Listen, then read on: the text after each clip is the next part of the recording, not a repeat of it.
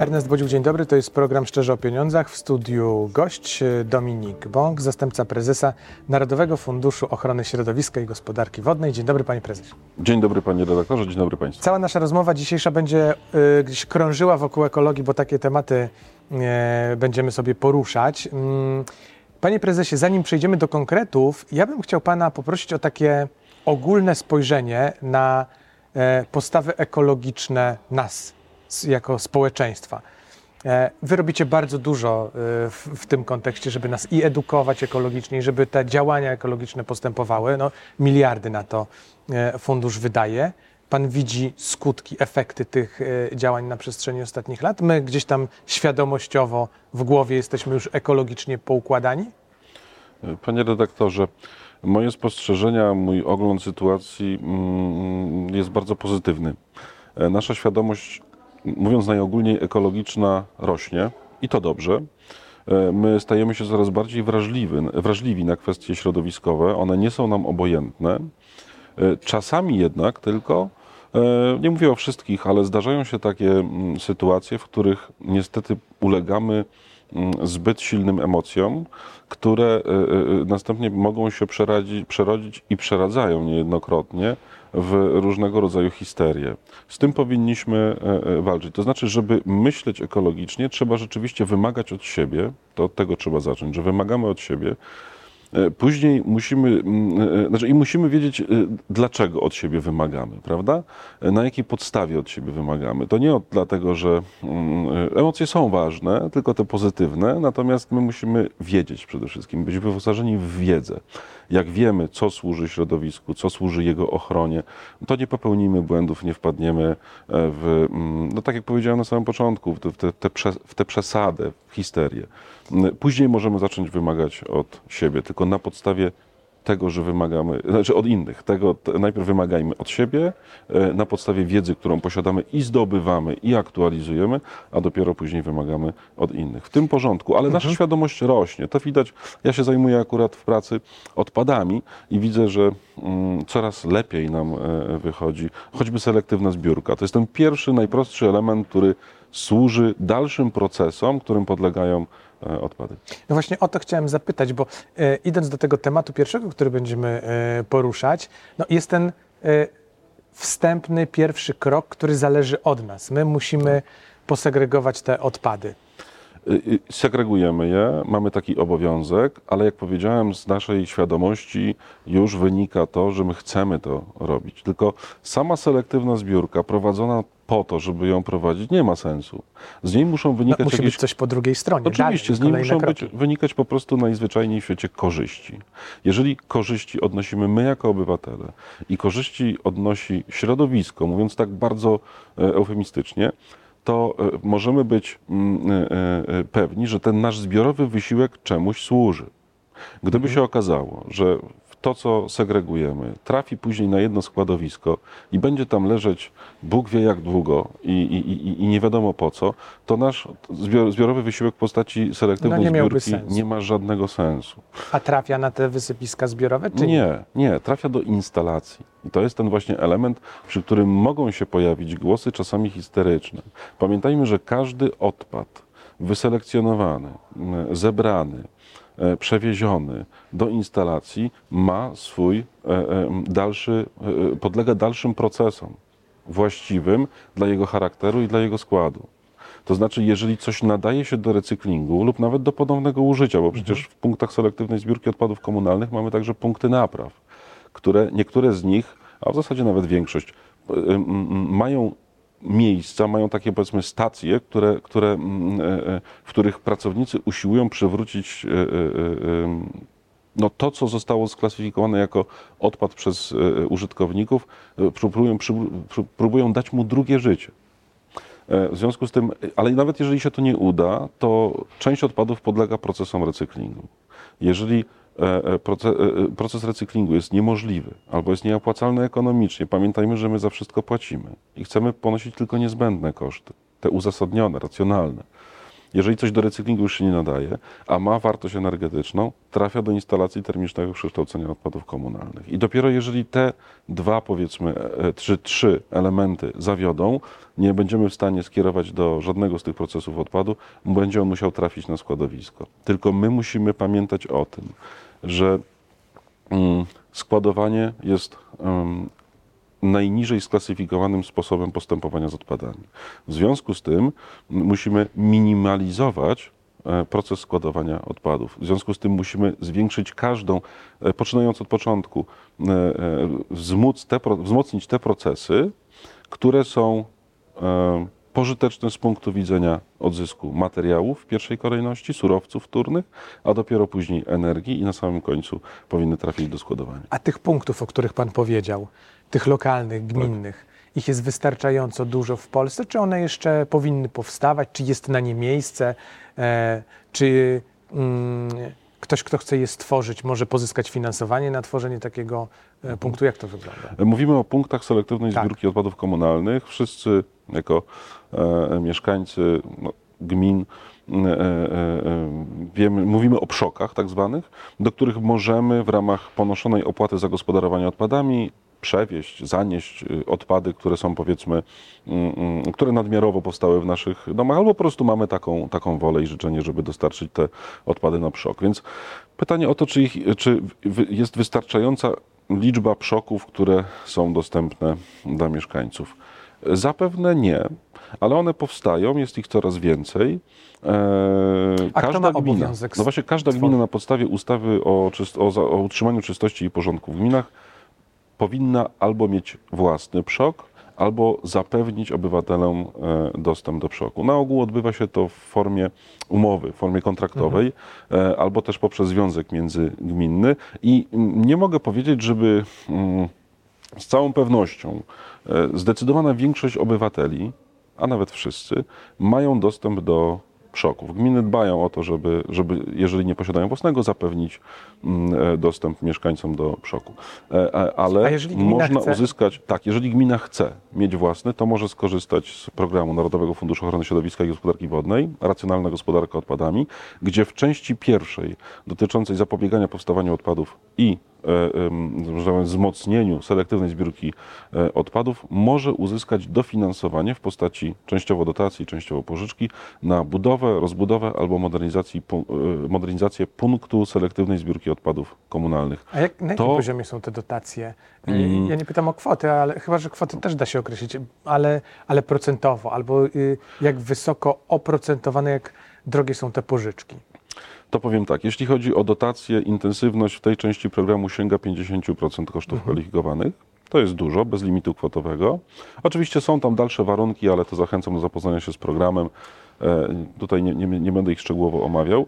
Jeżeli chodzi o oprocentowanie pożyczki, jest na dobrą sprawę najtańsze na rynku, bo choć zmienne, to, e, no to jest WIBOR trzymiesięczny plus mm, podaj 50 punktów bazowych, nie mniej niż 2%. W obecnych warunkach jest to naprawdę mm, najtańsze, najtańsze oprocentowanie i to, no, ja powiem tak, gminy bardzo chętnie korzystają z tego, z tego instrumentu.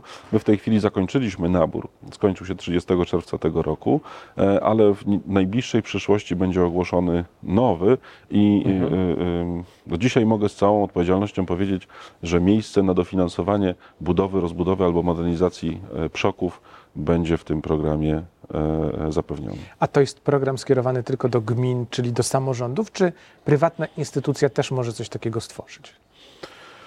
Jeżeli Powiem ma na przykład tak, umowę z gminą albo w jakiś sposób. No. Tutaj, tutaj beneficjentem jest jednostka samorządu terytorialnego albo e, spółka, która wykonuje zadania JST, bo, te, bo ten mhm. obowiązek ciąży na mm, e, jednostce samorządu terytorialnego, czyli na ogół na e, gminie. Nie jest mi znany przypadek, żeby m, prywatny przedsiębiorca występował o to dofinansowanie, ale dla prywatnych przedsiębiorców mamy miejsce m, w innych częściach tego programu, mhm. równie interesujące. I co to jest?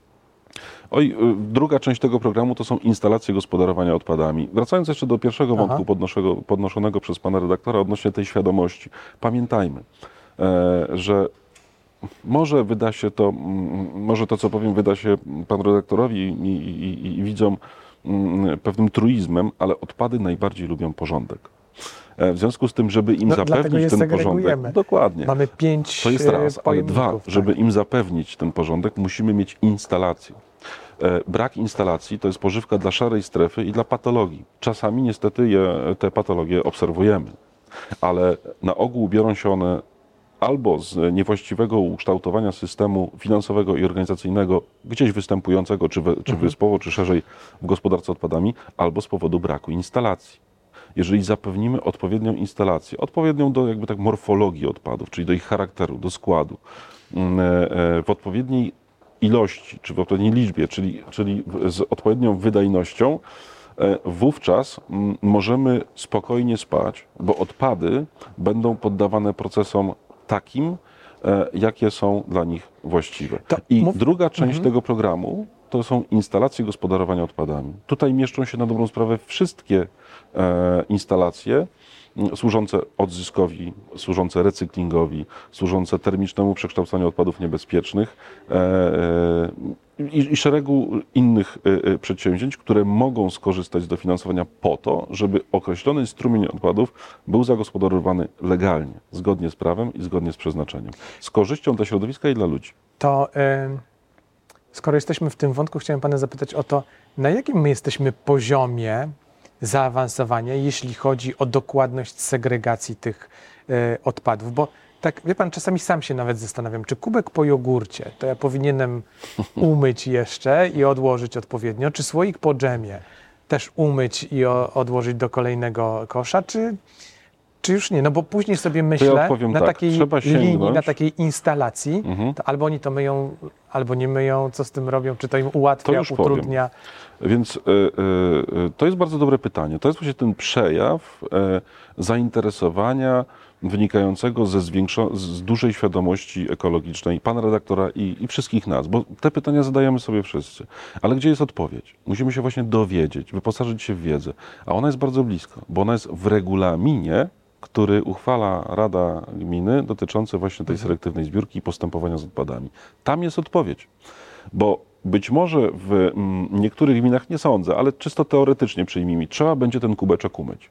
Na ogół tak nie jest. Proszę tego nie brać za, za, za pewnik, ale najprawdopodobniej, znaczy na potrzeby naszej rozmowy przyjmijmy, że trzeba go umyć, ale inny regulamin będzie określał, że nie trzeba go myć.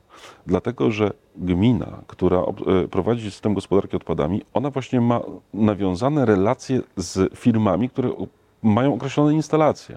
W związku z tym jedna instalacje instalacja... mają zdolność, albo nie mają Albo, albo nie mają zdolności.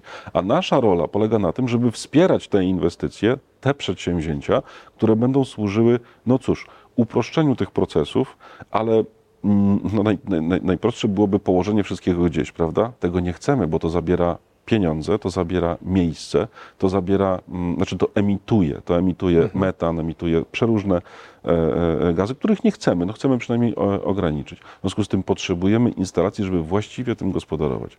Jeżeli mamy takie wątpliwości, trzeba sięgnąć do regulaminu, który każda firma obsługująca nas dostarcza nam, czyli pokazuje nam, w jaki sposób, z- z- w jaki sposób e, segregować, czy jak postępować z odpadami, e, e, które, które podlegają dalszym procesom segregacji. I tam się wszystkiego dowiemy. A czy my wiemy, czy da się określić poziom tego, jaki procent my tych odpadów odzyskujemy albo przetwarzamy? Tak. I ile jeszcze jest do zrobienia? My to na ten temat wiemy mało, natomiast my się dowiadujemy, bo, bo też nie wszystko wiemy, e, ale tutaj mm, trzeba zwrócić uwagę na branżę gospodarki odpadami, na wszystkie, na wszystkie przedsiębiorstwa, zakłady, które obsługują nas. Przecież my produkujemy jako Polska, no różnie, różne są szacunki, od 13,5 miliona do 14,5 miliona ton odpadów komunalnych rocznie. To jest 350 kilogramów e, około tam poniżej 300, nieco ponad, e, nieco poniżej 350 kg na mm, mieszkańca. E, e, niestety z żółtego worka e, e, e, odzyskujemy 50 do 70% e, surowców, ale jest tak, że 50% stanowi balast, czyli frakcja palna odpadów. E, z czego to wynika? E, e, no, niestety te odpady u nas jeszcze morfologicznie są tak skonstruowane, że część z nich, nawet ta, która trafi do, do kolorowego pojemnika czy worka, mm, e, no, nie, nie, będzie, nie będzie zagospodarowana tak, jakbyśmy sobie życzyli, czy nie trafi do recyklingu, bo po prostu i charakter, skład i koszty przetworzenia tego e, odpadu są na tyle wysokie, że się to po prostu nie, no, nikt tego nie podejmuje. Ale to są dane mm, z y, y, branży gospodarki y, odpadowej, czyli z zakładów, z, z, czy, czy komunalnych, czy prywatnych Wiemy to od ludzi, którzy prowadzą te instalacje, którzy wiedzą, jaki to, e, jak to wygląda. E, no i cóż, i oni najlepiej wiedzą, co z tym zrobić. Ich nie przeraża to, że te 50% czy 30% nie trafi do recyklingu, bo na to jest sposób. Na przykład w instalacji termicznego przekształcenia odpadów komunalnych, której posłuży to jako naprawdę niedrogie i zupełnie bezpieczne dla ludzi i środowiska paliwo. No to skoro jesteśmy przy tym temacie, to Rozwińmy. Takie słowo budzące dużo emocji, spalarnie. Tak. Skąd to się bierze, panie prezesie? Nie One wiem, są złe. Czy nie są? No, wiem, co pan odpowie, no, ale ludzie tak się zastanawiają. Nie spalarnia to samo zło, a inni mówią nie, to jest właściwe rozwiązanie na dzisiejsze czasy. Eee, no ja powiem za przedstawicielami świata nauki. Eee, spalarnie to są najbezpieczniejsze eee, chwili obecnej najmniej emisyjne elektrociepłownie. Dodatkowo wykorzystujące paliwo, które w sposób e, ciągły, można powiedzieć autonomiczny, powstaje w naszych koszach. Paliwo, które ma ujemną cenę, e, to znaczy, że e, e, e, ciepłowni płaci się za to, że ona przyjmuje to paliwo do wykorzystania do produkcji energii elektrycznej i ciepła, e, a co za tym idzie, ma to bezpośredni wpływ na obniżenie opłat za gospodarowanie odpadami z jednej strony, bo jak powstanie więcej tych instalacji, to odpady spadną, ale w taryfach za ciepło e, widzimy najniższe e, poziomy. W związku z tym jest to, e, jest to ciepło najtańsze.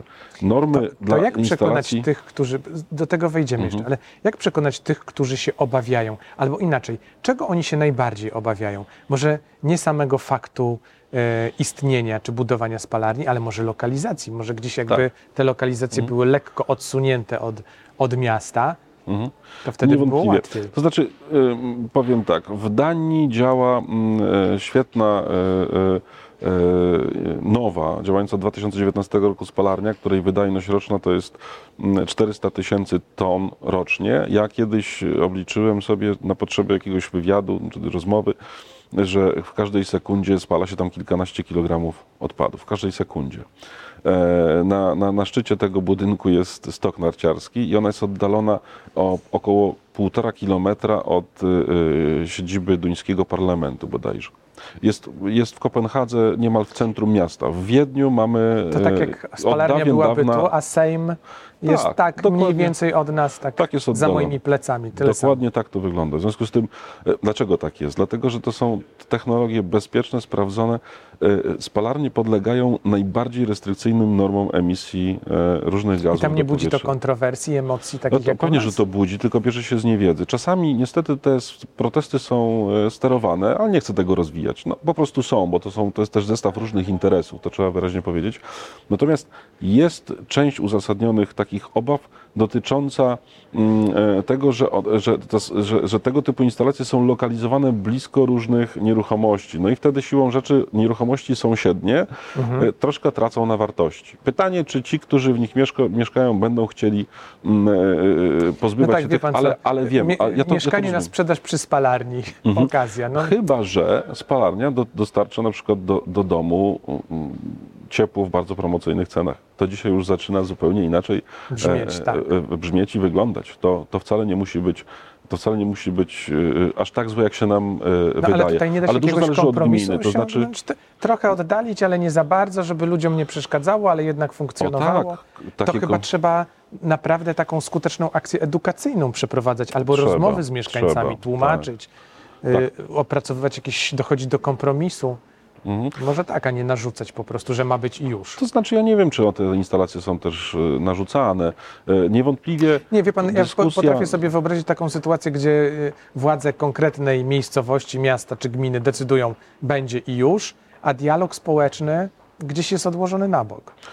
Zawsze tego typu instalacje one są omawiane, chociażby na, w procedurze oceny oddziaływania na środowisko. Z drugiej strony trzeba powiedzieć tak, w tej procedurze na ogół, to to wiemy od inwestorów.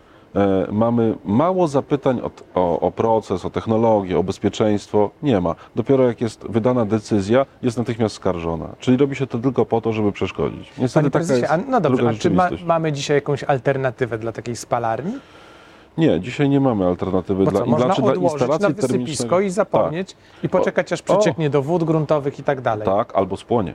Bo e, A, no e, tak, w świetle y, polskich przepisów my Zdarza nie się, możemy... że płoną te wysypiska. No, płoną. Same To- z siebie się tak zapalają. E, Różnie to bywa, ale, y, ale samozapłony nie są wykluczone. Wystarczy, że trafi się jakiś, No jakaś tak, jakiś fragment metal się wytworzy, coś elektroli- tam się elektroniki, tak, Mhm. niewłaściwie posegregowanej i może dojść do samozapłonu.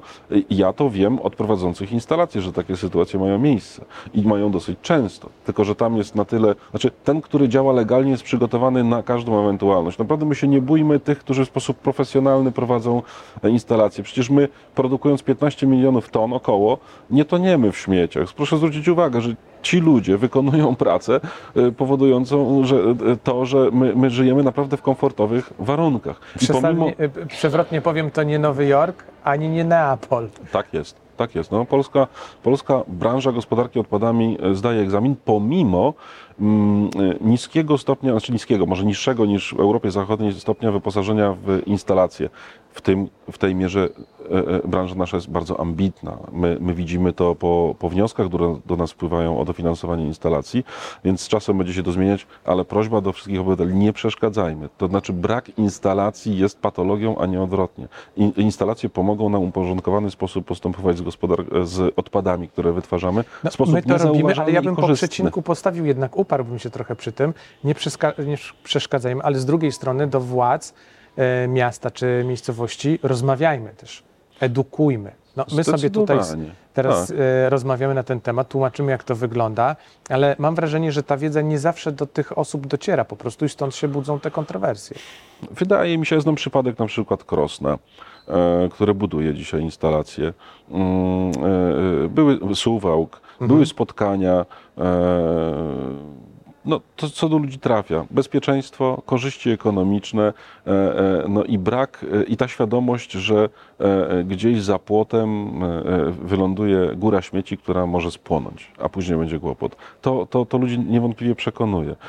Ale chciałbym też powiedzieć, że sam ten postulat, żeby rozmawiać, który płynie, można powiedzieć, trochę z naszej rozmowy, jest ważny. Jest ważny, jest niepomijalny w tych instalacjach, tylko musimy być też, znaczy muszą się spotkać strony, które są pozytywnie nastawione do rozwiązania problemu.